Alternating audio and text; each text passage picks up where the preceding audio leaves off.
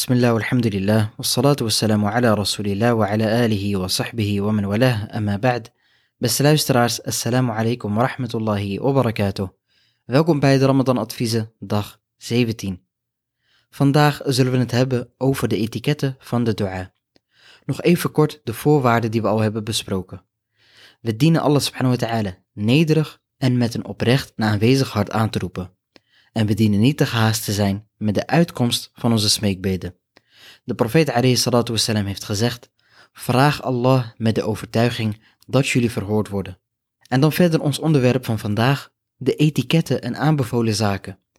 Zo is het aanbevolen om je handen op te heffen tijdens die smeekbeden. De profeet wassalam, heeft gezegd, Allah is schaamtevol en edel. Het betaamt hem daarom niet, wanneer zijn dienaar zijn handen tot hem heft, dat hij deze leeg terugstuurt. Het is ook aanbevolen dat je je richting de qibla richt en dat je de tahara hebt, dat je dus rein bent. Vervolgens, wanneer je begint met de dua, begin je met het prijzen van Allah subhanahu wa ta'ala, door hem aan te roepen bij zijn schone naam en eigenschappen. Allah tabarak wa ta'ala heeft gezegd in de Koran, وَلِلَّهِ الْأَسْمَاءُ الْحُسْنَى فَدْعُوهُ biha. Aan Allah behoren de schone namen toe, roep hem daarmee aan. En het beste nog is als je de smeekbeden kan combineren met een van de eigenschappen en namen van Allah subhanahu wa ta'ala. Dus bijvoorbeeld wanneer je om barmhartigheid vraagt, zeg je Ja Rahman irhamni. Of als je vraagt om vergeving, zeg je Ya Ghafoor irfirli.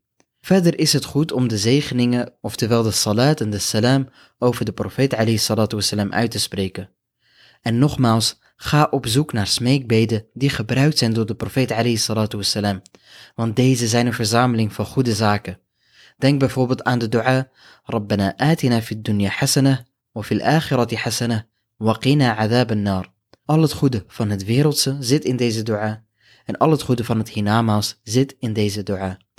En het zijn slechts een paar woorden die je hoeft te zeggen, en toch is het allesomvattend. Verder is het belangrijk vergeving te vragen in je dua en berouw te tonen en dat je erkent dat je fout bent geweest.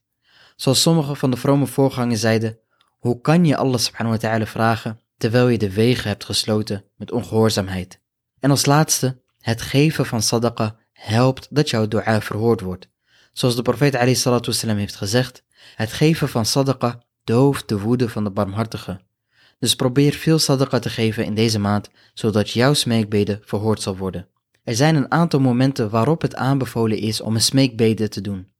Die zullen we morgen bij Idnillah ta'ala behandelen. Mogen Allah subhanahu wa ta'ala onze smeekbeden verhoren en ons vast accepteren. Wa sallallahu wa sallam wa barak ala nabina Muhammad wa ala alihi wa sahbihi ajma'in.